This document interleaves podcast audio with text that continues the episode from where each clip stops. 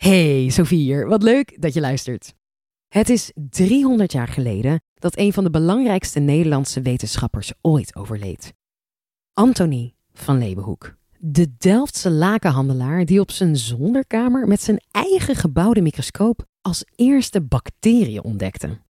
Om zijn ontdekkingen te vieren en zijn passie voor wetenschap maakten we een speciale podcastserie samen met de TU Delft. Een wereld vol geheimen. De eerste aflevering laten we je hier horen en de andere afleveringen vind je via een link in de beschrijving. Maak kennis met Anthony van Leeuwenhoek en de Delftse wetenschappers van nu die in zijn diepe voetsporen treden.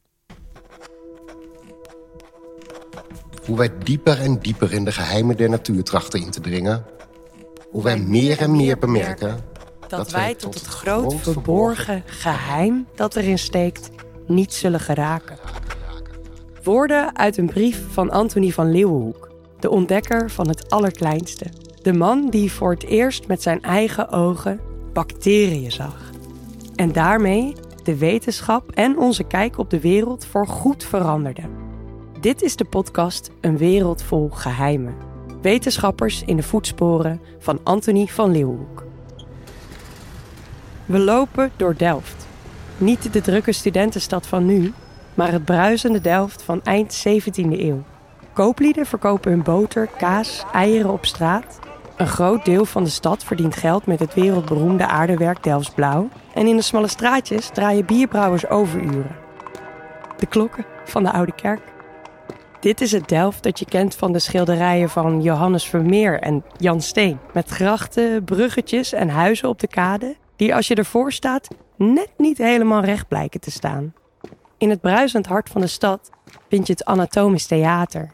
De plek waar medici en liefhebbers van natuuronderzoek samenkomen. Om te zien hoe doktoren ter plekke mensen en dieren ontleden. Even verderop, in een statig huis tegenover de vismarkt, woont zo'n natuurliefhebber.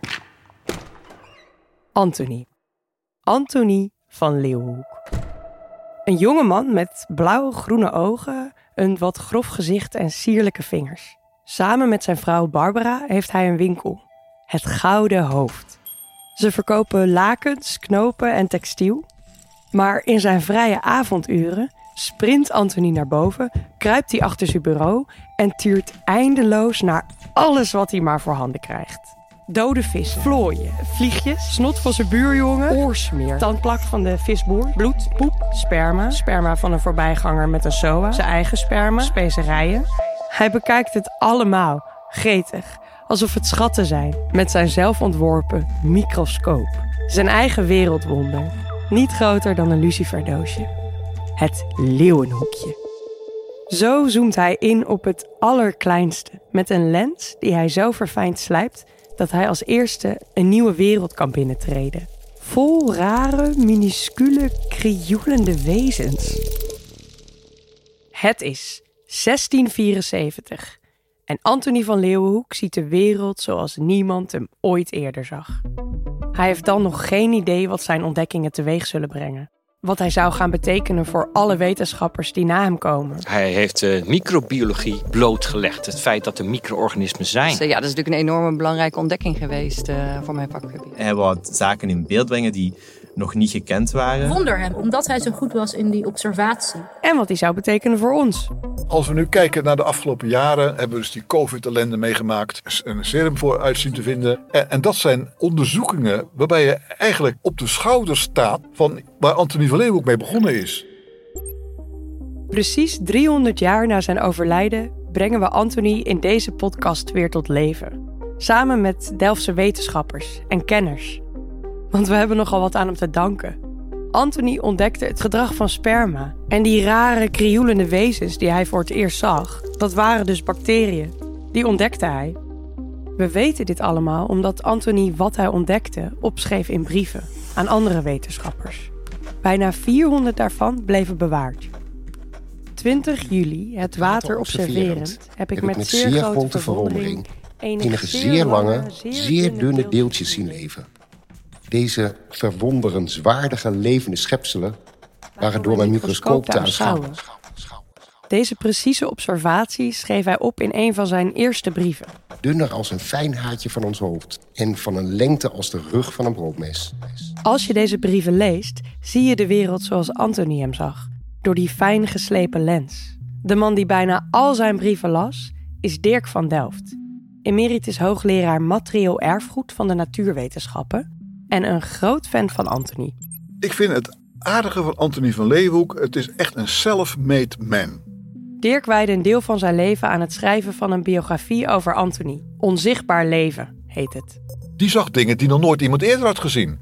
En ja, dat was natuurlijk een geweldige ontdekking en, een, en een, ook een geweldige reis door onbekende zaken die geen naam hadden, die, helemaal nog niemand eerder ooit had gezien. Dus ja, dat was natuurlijk voor hem natuurlijk iets geweldigs. En eh, ja, daar heeft hij dus verslag van gedaan op zijn manier. En eh, ja, dat heeft hem natuurlijk ook ongelooflijk beroemd eh, gemaakt uiteindelijk. Anthony is de zoon van een mandenmaker. Niet iemand die voorbestemd is grote ontdekkingen te doen. In Amsterdam leert hij het vak van lakenhandelaar en op zijn 23ste begint hij samen met zijn vrouw Barbara die winkel in het centrum van Delft, het Gouden Hoofd. En daarboven de winkel, in die kleine kamer van krap 9 vierkante meter, doet hij onvoorstelbare ontdekkingen. Ik weet wel dat mijn schrijven bij enige niet zal aangenomen worden. Als oordelende dat de ontdekkingen onmogelijk zijn. Maar ik trek me zodanig tegenspreken niet aan. En zeg tegenwoordig dat ik een tovenaar ben. Doch, het is haar te vergeven. Ze weten niet beter. Je kon ons zo gek niet bedenken of hij sleepte het voor zijn microscoop. En ja, wat dreef hem? Nieuwsgierigheid. Hoe, hoe ziet uh, die wereld in het klein eruit? Toen had hij een buurman die nooit en nooit zijn tanden poetste. Toen dacht van, kijk hoe dat nou daar in elkaar steekt. Dus dan ging hij naar de buurman toe. Buurman, mag ik even door je mond even open, ja? En dan schraapte hij wat van die tandplak tevoorschijn. En dan ging hij naar weer thuis door zijn microscoop kijken. Gêne had hij niet. Zijn liefde voor de wetenschap is grenzeloos. Maar ondertussen overlijdt zijn andere grote liefde, Barbara. Ze sterft jong, net als vier van hun kinderen. Anthony is dan nog maar 34 jaar oud. Een groot gat valt. Als jonge weduwnaar stort hij zich volledig op zijn werk in de winkel en hij neemt allerlei baantjes aan. Ik werk veelal met zwarte ebbenhouten pijlstokken met zilveren knoppen en bandjes. Pijlstokken, knoppen en bandjes, allemaal attributen die hij nodig heeft als wijnroeier, want hij wordt controleur van vaten wijn. Maar ook kamerbewaarder in het stadhuis, landmeter en als wijkmeester bewaakt hij de orde op straat. Tussen al die banen door werkt hij aan zijn meesterwerk. In zijn kleine bovenkamer begint hij te timmeren, knippen, gaatjes te boren, schaven, slijpen. Want hij wil dieper doordringen, nog kleiner kijken, meer ontdekken, een nog betere lens ontwerpen. De mensen denken bij een microscoop natuurlijk aan iets wat je bij biologie practicum hebt gehad, met een een of andere buis met een twee lenzen erin. Dat is absoluut niet wat een leeuwenhoekmicroscoop is. Een leeuwenhoekmicroscoop is eigenlijk een soort loep, maar dan een heel klein lensje. Dat hele kleine lensje van maar een paar millimeter, dat zat er ingeklemd tussen twee metaalplaatjes. Nou, er zijn er nog maar een stuk of elf over, dus uh, hij heeft er honderden gemaakt. Maar van degene die nog er zijn, is de sterkste 268 keer vergroot. En dat was voor die tijd uh, een mirakel. En Anthony met zijn eigen gouden hoofd, die schrijft niet alleen op wat hij ziet, hij laat er ook tekeningen bij maken. En die stuurt hij op naar familieleden, collega's op het stadhuis, bestuurders. En dat heeft hij zijn leven lang gedaan. Brieven schrijven met al die waarnemingen. En dat ging van de hak op de tak. Angels van de wilde bij en de angels van de mug van de west. Mede hebben. Ik heb te meermalen... In sommige brieven komen echt 10, 20 onderwerpen achter elkaar naar voren. Somtijds om de twee, drie... Dan gaat het over de oogstzenuw van een koe, dan over de uitwerpselen van die, dan over zalen van die plant en achter elkaar door. Een pijpje voor dat 100 voet hoog was en de holte van de pijp omtrent de dikte van een haar. In het vastleggen van zijn waarnemingen zit Anthony met een probleem. De wereld die hij probeert te omschrijven is van een formaat zo klein dat er nog geen woorden voor bestaan. Er waren natuurlijk wel maten, maar dat waren natuurlijk geen maten voor de microwereld. Dus je had, je had uh, voeten of in, uh, of, of in Engeland een inch of, uh, of een duim in Nederland en weet ik veel wat je allemaal al niet had. Maar hij moest natuurlijk Als je dus naar die microwereld keek, ja, dan had je natuurlijk over dingen zo groot, waar dus een maat veel te groot voor was om dat te beschrijven. En hij had ook mooie verhoudingen. Dan zei hij bijvoorbeeld, ja, dit diertje eh, in microland staat tot dat diertje in microland. Die verhoudt zich qua grootte als een paard eh, staat, tot, uh, staat tot, een, tot een kip. Of dat soort verhoudingen gebruikte hij dan ook. Als je hem dus hoort praten, ja, is dat gewoon natuurlijk heel, heel leuk en grappig en aandoenlijk en, en, en speels. Het is dus één potpourri aan waarnemingen in allemaal brieven. En eigenlijk schreeuwt het er natuurlijk om achteraf. Om het allemaal eens een keertje nog eens netjes te groeperen in een paar boeken met onderwerpen bij elkaar. Daar heeft hij nooit ook maar enkele behoefte aan gehad.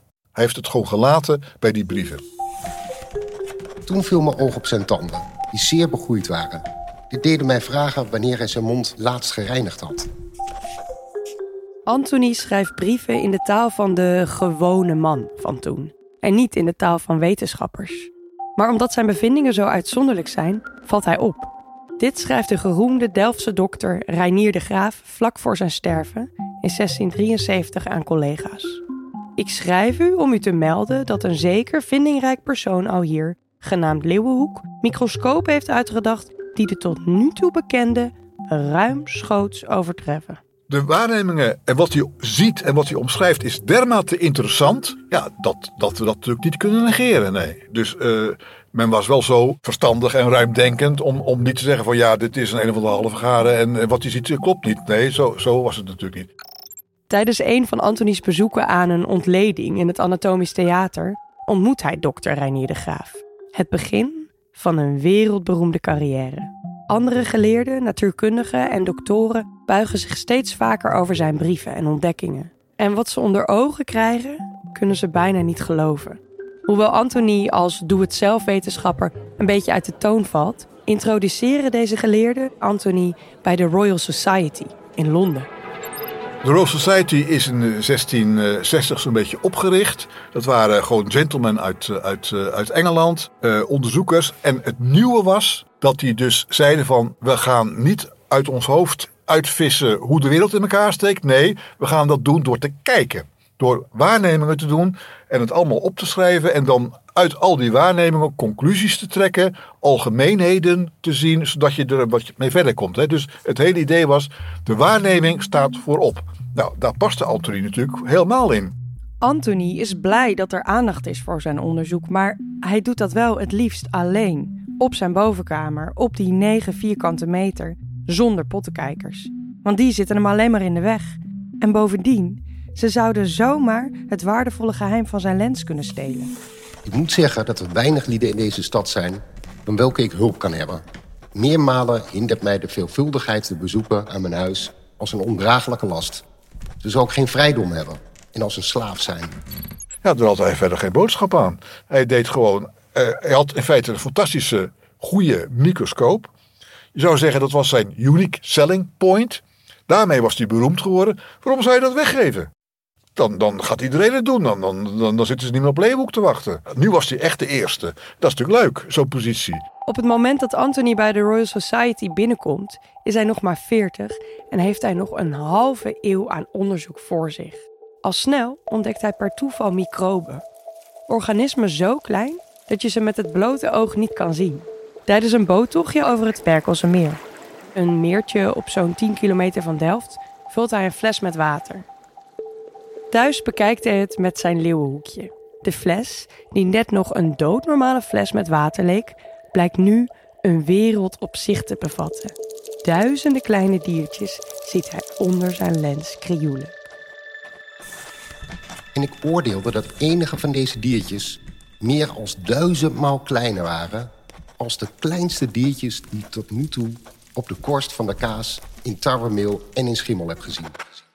En weer een jaar later vindt hij nog kleinere diertjes, per toeval, op zijn bureau, in een bakje gevuld met water en peperkorrels. De diertjes waren zo ongelooflijk klein, ja zo klein, dat ik oordeelde... zo zouden 10.000 van deze levende schepselen... de grootte van geen grof zand kunnen uitmaken. Anthony ziet hier als eerste bacteriën. We moeten trouwens wel onmiddellijk erbij zeggen dat hij natuurlijk heel niet wist wat een bacterie was. Later, veel veel later, is een bioloog aan de hand van de omschrijvingen die hij in die brieven las, tot de conclusie gekomen: dit moet een bacterie geweest zijn. Dus dat hij die microwereld heeft ontdekt in het water is gewoon puur toeval, zou je kunnen zeggen. Eh, dat heeft dacht van, nou, dat is ook leuk om te bekijken.